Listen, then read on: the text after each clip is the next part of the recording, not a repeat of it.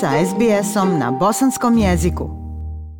Pandemija je uveliko izmijenila stil života i definitivno je donijela jedan novi način komunikacije, ali koji se pokazao kao vrlo djelotvoran i pragmatičan. Koliko su zaključavanja i duge izolacije isključivali socijalna druženja, toliko su Zoom sastanci tokom posljednje dvije godine dobili na važnosti i postali dominantna poveznica ljudi na globalnom nivou. U Australiji, među bosansko-hercegovačkim zajednicama, ističe se vijeće bosansko-hercegovačke zajednice ili Bosnian Community Council New South Wales, koje je postalo prepoznatljivo po Zoom forumima, a koji u jednom živom angažmanu tematiziraju aktuelnu problematiku kako u prvoj domovini Bosni i Hercegovini, tako i ovdje u Australiji. I naravno, kroz uključivanje gostiju iz cijelog svijeta, daju forumima jednu globalnu notu. Povodom posljednje velike akcije vijeća Bosansko-Hercegovačke zajednice New South Wales, kada je 10. januara organizovala online forum sa predstavnicima Bosansko-Hercegovačke zajednice iz cijele Australije i na taj način se uključila i dala svoju podršku mirnim protestima BH dijaspore širom svijeta, razgovaramo danas sa predsjednikom vijeća Bosansko-Hercegovačke zajednice Novog Južnog Velsa, gospodinom Safetom Alispahićem. Gospodin Gospodine Alispahiću, jako mi je drago da ste danas naš gost. Dobrodošli na talase SBS radija. Hvala vam, poštovana gospođo Ajša, na pozivu, ukazanom vremenu i veliko vam je zadovoljstvo i čast da budem vaš gost i normalno svim vašim slušalcima ili našim slušalcima SBS radija na bosanskom jeziku želim svako dobro iz Kišnog Sidneja. U protekle dvije godine, u jeku najžešćih zatvaranja u Australiji, živa online aktivnost Vijeća Bosansko-Hercegovačke zajednice Novog Južnog Velsa. Možete li nam predstaviti rad vaše organizacije i reći šta smatrate njenim najvećim doprinosom? Pa evo vi kako ste e, spomenuli u vašem uvodu, vjerovatno su ti razgovori ili online sastanci koje smo mi nazvali razgovori s povodom, oni koji su direktno išli uživo iz Sidneja i koje smo uradili 68. Do sad je to više od 150 sati uživo programa, preko 150 gostiju. Sve i jedan razgovor je bio vezan za Bosnu i Hercegovinu. Stanje u Bosni i Hercegovini je diktiralo temu i vrstu naših razgovora i goste koje ćemo pozivati, ali eto, uspjeli smo i prošarati, imali smo ljude iz kulture, sporta, nauke i svega onoga što smo mi smatrali da u tom datom momentu je važno za bosansko-hercegovačku zajednicu kako u Australiji, u Sidneju, tako i širom svijeta. Zaista je bilo važno imati kontinuitet e, u radu uopšte vaše zajednice, a pogotovo u vrijeme pandemije. Da ne pominjem koliko pohvala zaslužuje organizacija koju vodite jer ste u uslovima strogog mirovanja, izolacije, držali zajednicu budnom i aktivnom. A s druge strane, birajući goste iz Bosne i Hercegovine, jačali ste veze australske dijaspore sa prvom domovinom. Koje goste biste vi izdvojili? Vjerujte da ima preko 150 i mi smo e, nastojali da svi ovi naši razgovori budu u nekom, ja bih rekao, naučnom karakteru. Australska dijaspora, odnosno BH građani, bez obzira gdje se nalazi zbog uslova u kojima se živi zadnjih 30 godina, pa ja mislim da smo neke stvari propustili, da veoma poznajemo, nastojali smo da imamo, da nam ljudi objasne tačno šta je Dejtonski mirovni sporazum, koje su to zakonske osnove koje se krši u Bosni i Hercegovini.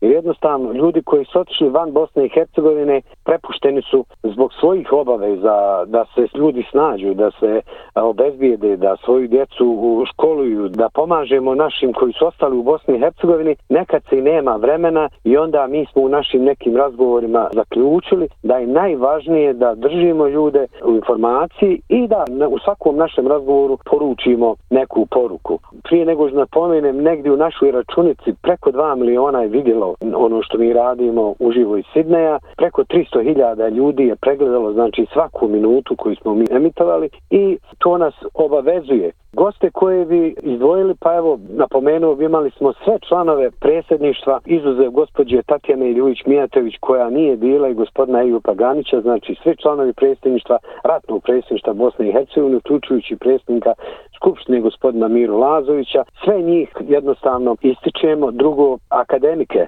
imali smo od akademika Suada Kurčehajića, imali smo Slavu Kukića, imali smo akademika Pejanovića, imali smo mnoge.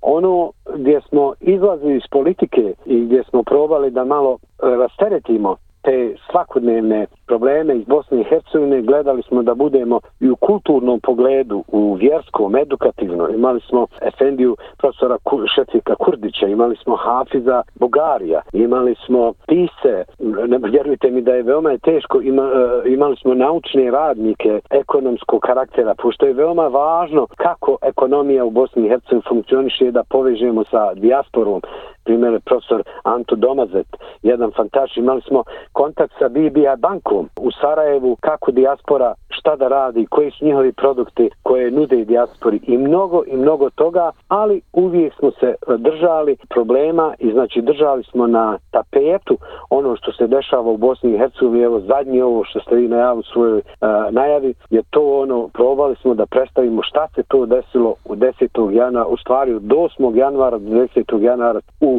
14 zemalja svijeta ili 34 grada u svijetu. U posljednje vrijeme bosansko-hercegovačka dijaspora sa velikom pažnjom i napetošću posmatra šta se dešava u Bosni i Hercegovini i oko Bosne i Hercegovine. Mnogi glasovi koji stižu iz naše prve domovine su mračni, prijeteći, nisu ni malo dobri, da kažemo eufemistički. Neki politički čelnici otvoreno govore o disoluciji Bosne i Hercegovine. Mnoge zajednice bosanaca i hercegovaca širom svijeta već su eto i održali 10. januara protestne mirne mitinge, ali planiraju i tokom ove godine da održe mitinge i akcije u jednoj želji da se očuva mir i stabilnost Bosne i Hercegovine. Mnoge zajednice u Australiji također planiraju da naprave slične akcije. Kako vi gledate na trenutnu situaciju, gospodine Alispahiću, u Bosni i Hercegovini i da li vaša organizacija planira neku širu akciju?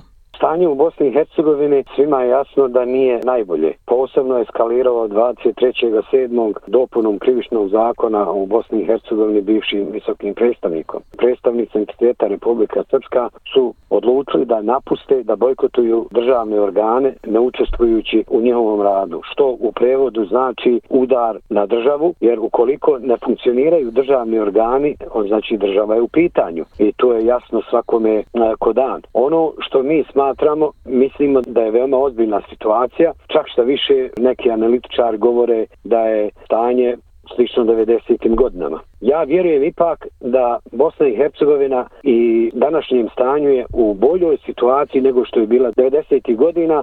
Mislim da je jača, snažnija, a na kraju nema glavne komponente agresije na Bosnu i Hercegovinu koja je bila 90. i to je Jugoslovenska narodna armija. Danasna situacija nije za pacijenti, moramo svi biti veoma obazrivi i moramo svi reagovati, dati onoliko koliko mi možemo. Mislim da svaki građanin a ovo govorim e, svi oni koji nas slušaju ne živi u Bosni i Hercegovini, znači BH dijaspora je dužna da pomogne Bosni i Hercegovini i ne smije glavu okrenuti, ne smije ovo pocijeniti, jer situacija, kako sam rekao, nije, nije dobra i moramo biti veoma obazrivi prati šta se dešava. Pored udara na državu Bosnu i Hercegovinu, koji je evo prozrokovan, kako kažu, takozvanim inskovim zakonom, imamo jednu drugu temu koja se proba e, ubaciti, što bi koštalo Bosnu i Hercegovinu u narednih možda 20-30 godina, to je promjena izbornog zakona. Znači, apel svim zvaničnicima u Bosni i Hercegovini da ni po koju cijenu ne smiju pristati pritistima koji su očiti da se e, usvoji jedan izborni zakon koji je protiv svih demokratskih formi i normi Evropske unije, ljudskih prava i svega toga. Znači mi iz diaspore moramo svaki dan vršiti pritisak na one koji učestvuju u pregovoru u Bosni i Hercegovini da ni po koju cijenu ne smiju pristati na to jer to bi koštalo Bosnu i Hercegovinu možda krajnje podile. BA diaspora, vi kako ste rekli, je 10, od, od 8. do 10. januara se organizovala. To je najbolja akcija, najveća akcija posle 2014. godine onih poplava kad su bile i ono što se uradilo, mislim da je pokazan jasan signal i glas da mi ne damo Bosnu i Hercegovinu. U mnogim gradovima, kako sam rekao, 34 grada u svijetu, uključujući i Sidnej. Znači, mi smo u Sidneju u toku dana izašli simbolično, pošto je ograničenost, ne smije se okupljati zbog pandemije, bilo nas je nekoliko, postali smo poruku, pustili smo bosansku himnu i naveće, kako ste vi rekli, okupili smo negdje oko 40 predstavnika BH zajednica, kako iz Australije, tako iz cijelog svijeta. I važno je napomenuti da posle tih e, protesta upućeno je jedno pismo koje je potpisano od preko stotinu značajnih BH organizacija, pojedinaca i postato je na 19 adresa lidera, svjetskih lidera, uključujući predsjednika Bajdena u Americi, evo našeg premijera Scotta Morrisona i da ne nabrajam svima važnije, u pismu se pominje sve ono šta se dešava u Bosni i Hercegovini i ono na kraju postoje otprilike četiri tačke koje građani BiH prepoznaju da bi trebali da reaguju svetski lideri.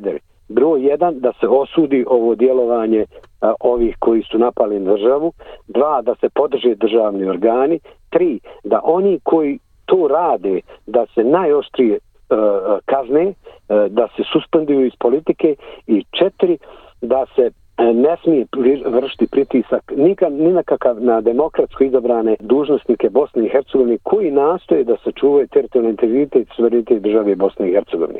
I zadnje što bih rekao, ono što se planira ispred Bosne Community Council ili Vijeća Bosanske zajednice je sljedeće. Da posle onog našeg desetog izlaska pred Opera House u Sidney i posle večernjih sastanka sa mnogim predstavnica BH zajednice, mi nismo stali mi smo nastavili kontinuirano da radimo kako da dođemo do australskih zvaničnika. Stvari neke koje smo poduzeli još uvijek ne možemo iznositi u javnost, ali možemo reći da smo stvarili direktan kontakt sa australskim zvaničnicima na najvećem mogućem nivou i očekujemo od danas do 1. marta, znači kad je dan nezavisni Bosni i Hercegovine, da australijski government, parlament, senat i sve one institucije daju nedvosmislenu podršku Bosni i Hercegovine Hercegovini, da osude sve one koji rade probleme u Bosni i Hercegovini i da nedvosmisleno podrže sve ono što radi vlast i vlada Sjedne mečkih država, Velike Britanije i svih onih zemalja koje stoje nedvosmisleni za Bosne i Hercegovine. I evo apelujemo na sve građane u Australiji da u narednom periodu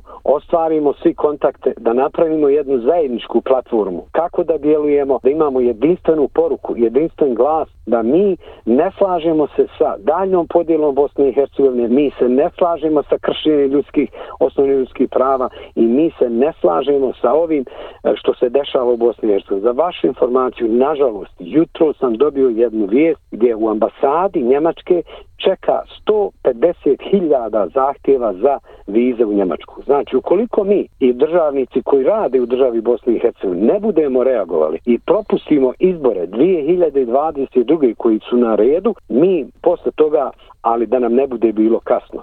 Ja vjerujem i organizacija koju ja trenutno vodim, ja vjerujem da Bosna i Hercegovina ima svoju budućnost i na kraju vjerujem u pobjedu Bosne i Hercegovine, vjerujem u dobro, jer utakmica je teška, e, veoma su niski i, i ovako nefer udarci koje država Bosna i Hercegovina danas dobiva, ali sa 2 miliona njenih građana koji su u Bosni i Hercegovini i sa 2 miliona njenih građana koji su van Bosne i Hercegovine i sa ostalim prijateljima iz cijelog svijeta, ja čvrsto vjerujem da Bosna i Hercegovina će opstati. Mi apelujemo na sve građane Bosne i Hercegovine, bez obzira na etničko, vjersko i svako drugo porijeklo, da zbijamo svi redove i da ne damo državu Bosnu i Hercegovinu, da je čuvamo onaka kakva treba biti prema svima. BH građani su 92. odnosno od 92. do 95. vojno odbranili Bosnu i Hercegovinu, BH građan će 2022. godine politički i ekonomski da odbrane Bosnu. E, mnogi pojedinci i zajednice širom svijeta, ali i u Australiji,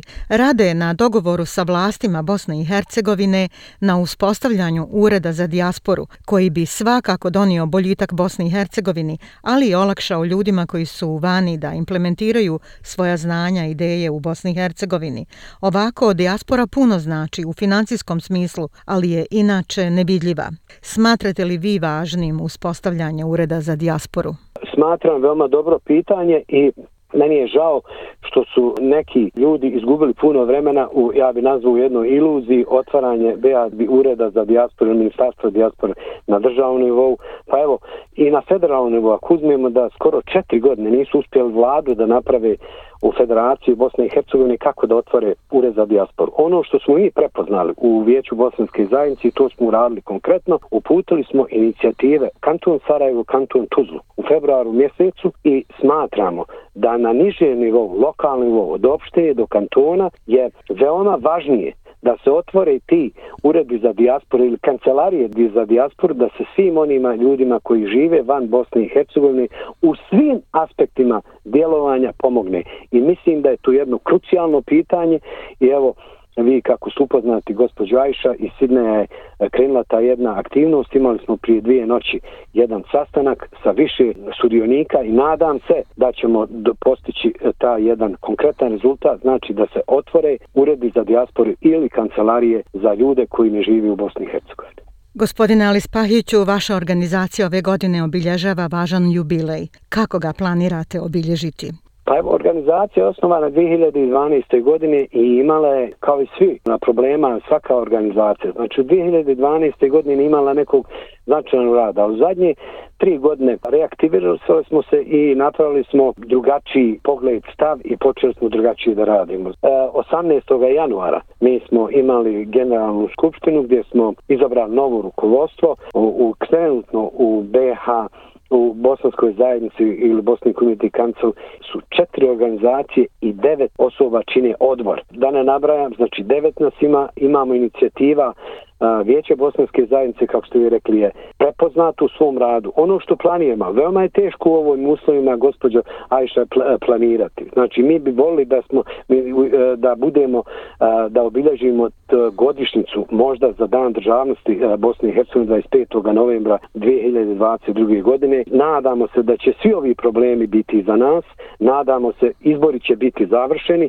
Zbog svih ovih E, tema o kojoj smo govorili i zbog izbora koji dolaze u oktobru mjesecu ne planiramo, ali evo, evo neka bude ekskluziva, znači godišnica e, Vijeća Bosanske zajednice će da bude obilježena u toku obilježavanja dana državnosti Bosne i Hercegovine 2022. godine. O svim našim tim planovima i aktivi šta planiramo obaviješćemo našu javnost, ali evo ekskluzivno nećemo obilježavati desetogodišnjicu prije dana državnosti zbog situacije koja je trenutno u Bosni i Hercegovini i zbog izbora koji su planovi za 22. I za kraj, gospodine Alis Pahiću, šta bi bila vaša poruka slušaocima SBS radija? Uz još jednom zahvalnost za vaš poziv, vrijeme i što ste prepoznali naš rad, ja bih poručio svima, prvenstveno građanima Bosne i Hercegovine, bez obzira gdje se nalazi, da dobro razmisle u kakvom stanju je Bosna i Hercegovina. I pored svih naših apela da neko nam drugi pomogne, ja smatram da prije svega sami sebi moramo pomoći. Kako? U našem jedinstvu, u nedjeljenju, u nepravljenju problema koje trenutno svi znamo da postoji u BA zajedničkoj Australiji. Pozivam, pored svih razlika koje mi posjedujemo i što je naše bogatstvo, da se dozovemo, da zauzmemo jedan zajednički stav. Država Bosna i Hercegovina naše, naše zajedničku i mi to moramo braniti i odbraniti. Koji živimo ovdje, da se saberemo i da samo dobro i prepoznajemo jedni u drugima. Tako možemo sačuvati državu Bosnu i Hercegovinu i graditi našu bosansku zajednicu ovdje u Australiji na temeljima naše različitosti da nam to bude bogatstvo. Pokažemo cijelom australskom društvu kako smo mi jedna uspješna zajednica jer na kraju to nas obavezuje ono kako sam ja rekao hiljadugodišnja historija države iz koje mi dolazimo i treba nam biti uvijek ponos ko smo i šta smo. Ja vjerujem da ću imati znanja, umjeća i pameti, moramo prevazići sve razlike i biti tolerantni jedni prema drugima. Vama još jednom hvala i svima svako dobro i sidne. Hvala vam gospodine Alis Pahiću na ovom razgovoru i lijepoj poruci. Želim vam puno uspjeha u daljem radu i vašem angažmanu i nastojanju da učinite život bosanaca i hercegovaca u Australiji dostojanstvenim i kvalitetnim. Hvala puno. Hvala vama. Like, share, comment. Pratite SBS Bosnian na Facebooku.